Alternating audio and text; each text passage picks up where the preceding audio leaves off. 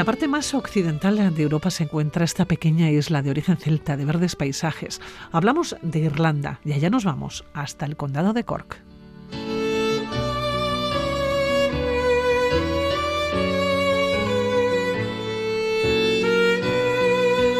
Es el más eh, suroccidental, el mayor de los condados de la República de Irlanda. A menudo se le menciona como el condado rebelde. Xavier Bañuelos, hoy nos llevas a la Irlanda profunda. ¿Cómo estás, Pues muy bien, muy bien. Y más escuchando aquí a The Course, ¿no? Sí. Si no me equivoco. A The Course.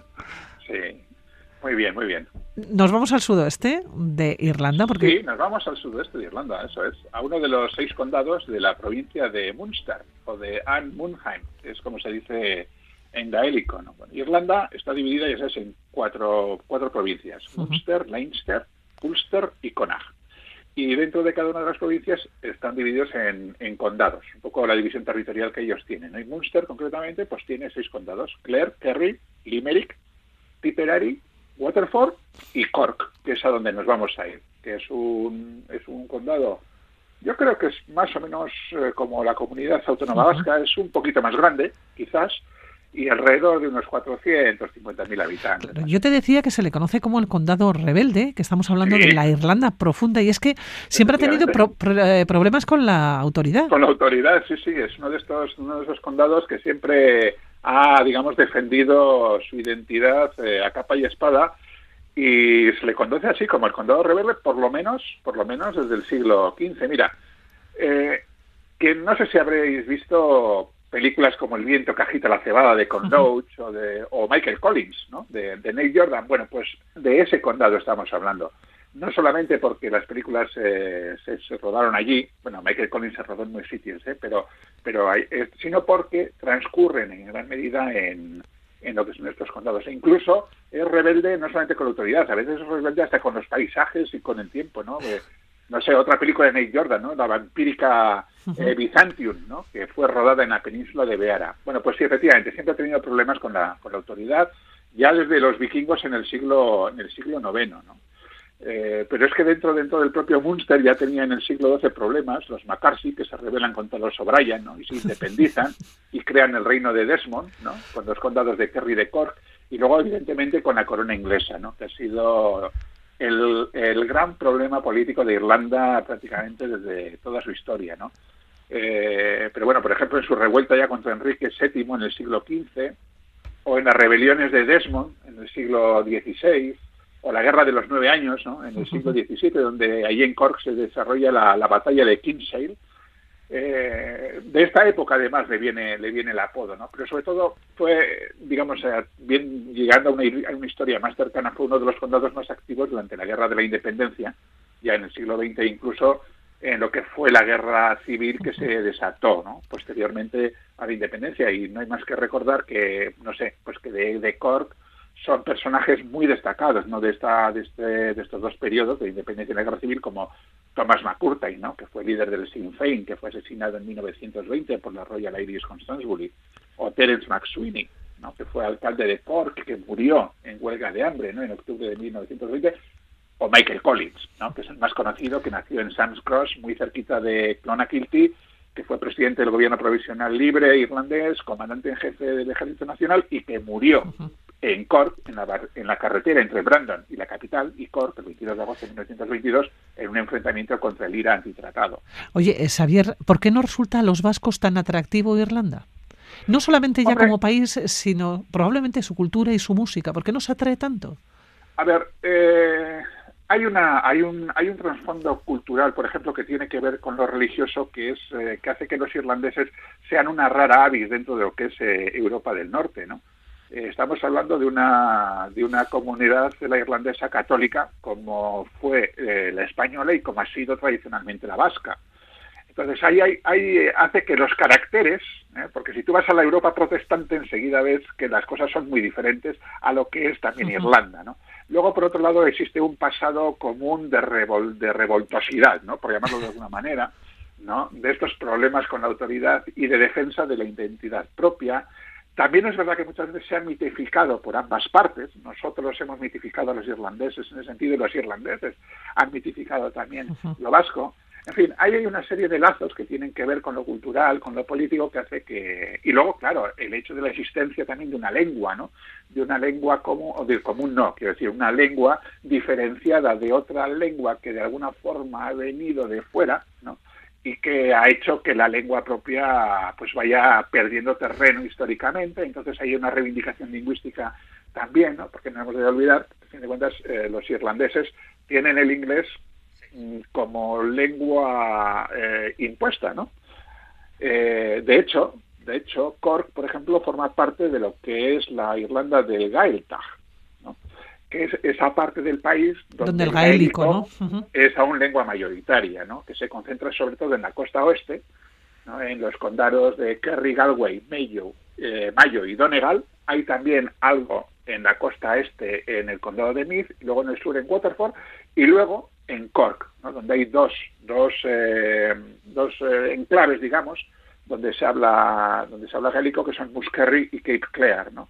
Entonces, claro, lo que pasa es que sí que es verdad que el irlandés eh, está en una situación muy, muy, muy delicada, porque estamos hablando, bueno, depende de qué estadísticas veas que hablan de que hay 1.700.000 personas, el 37% de la población irlandesa que sabe gaélico.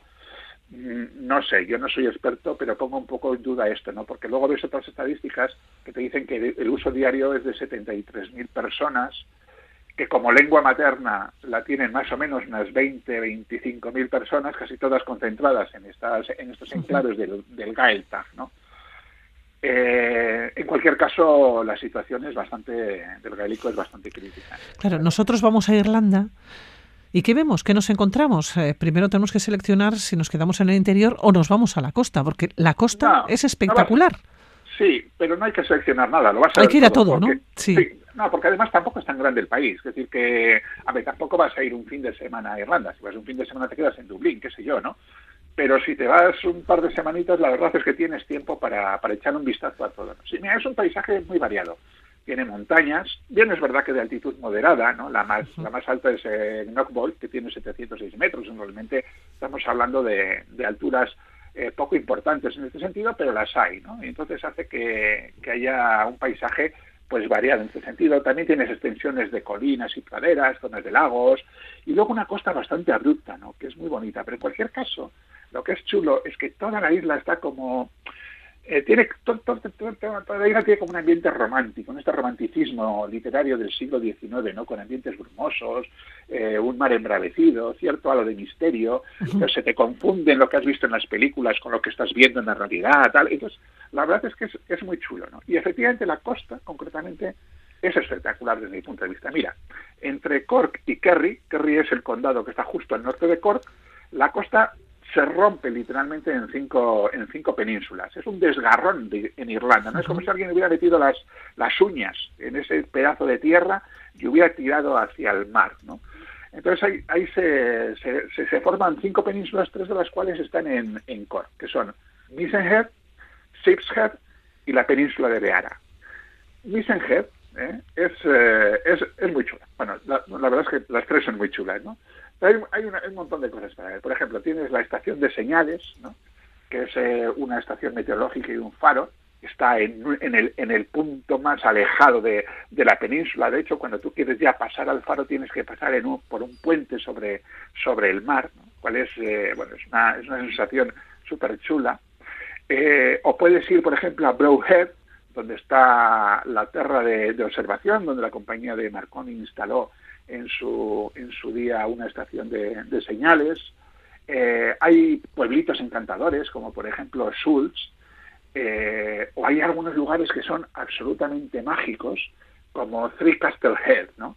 Tú imagínate tres torres unidas, son, son ruinas, ¿eh? pero son tres torres unidas de forma lineal por una muralla junto a un lago que mira al mar desde el acantilado. Es pura magia. Bueno, pues este es el castillo de Dunalocha, ¿no? que es un castillo del siglo XIII que está, como digo, en este, en este lugar absolutamente encantador. La segunda de las penínsulas, Six Head, un lugar perfecto para el senderismo, con praderas, colinas, riscos, acantilados, un lugar donde todo, donde todo es paz. Y luego está la península de Beara, que es la más grande. Bueno, la isla de Beara y la isla de eh, la península de Beara y la isla de Dursey. Bueno, ahí tienes, por ejemplo, pueblos encantadores como Glengarriff en la bahía de Bantry, donde uno no se puede perder pues el jardín italiano que está en la isla de Garibis, o el jardín de esculturas interactivas de EU Experience, que es una cosa muy loca, eh, o la reserva natural ¿no? de, de ¿no? con paseos realmente chulos, chulos, chulos. ¿no? O ir, por ejemplo, a Castle que es un puerto pesquero muy bonito, donde hay un cromlech también eh, muy chulo que se llama Dorrentogak. Eh, bueno, un sitio muy loco también es la isla de Dursey. sí, digo muy loco porque eh, es una islita que realmente está, está separada, digamos, de la parte de la, de la tierra firme, que hablando de otra isla también es mucho decir, pero bueno, eh, es una isla muy pequeñita, ¿no? Entonces tú, llegas al final del cabo y allí, pumba, te encuentras la isla de Durse, no sé qué estará a 200 metros de esto, separada por, el, por un estrechito. Bueno, es una reserva natural. Realmente allí eh, hay pocas cosas aparte de aves y aves y aves y muchísimas ovejas. Entonces, ¿qué es lo que pasa?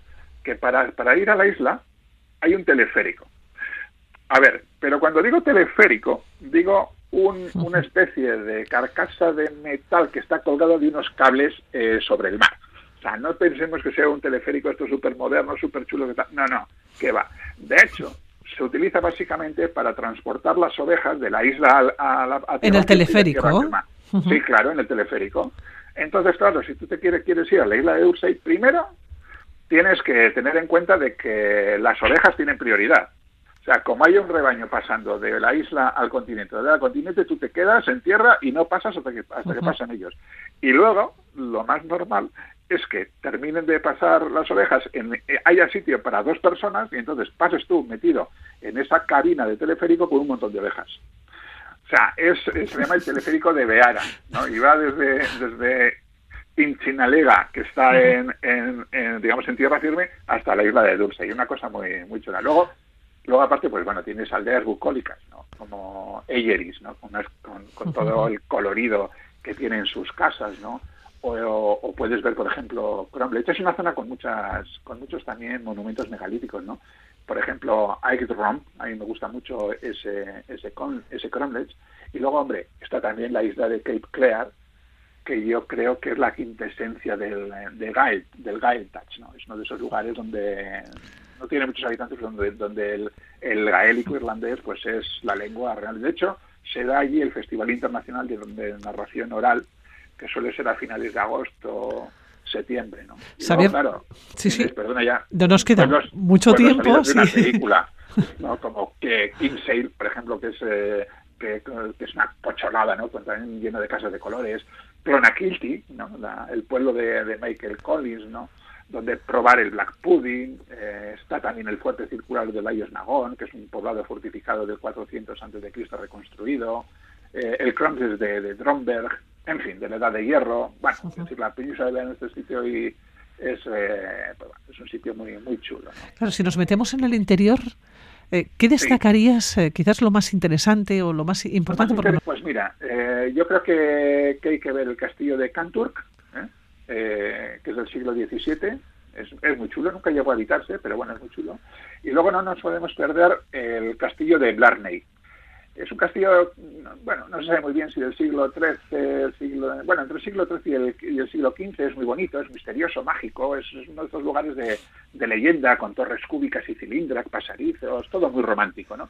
Pero es que además está allí la, tierra de, la piedra de, de Blarney o la piedra de la elocuencia, ¿no? que dicen que formó parte de la piedra de Scone, un bloque de piedra que se empleaba en la coronación de los reyes escoceses que fue robada por Eduardo I de Inglaterra en el siglo XIII y se llevó a la, a la abadía de, Minstein, de Westminster y de hecho ha servido como lugar de coronación de los reyes ingleses.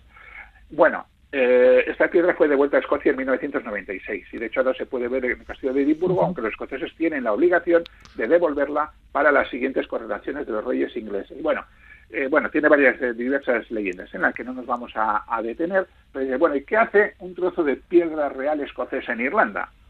Pues eh, dice la leyenda, dice la tradición, que fue regalo de Roberto I de Escocia, el Robert de Bruce, de la película de esta, Jesús, la película de la, de la independencia escocesa. Eh, Braveheart.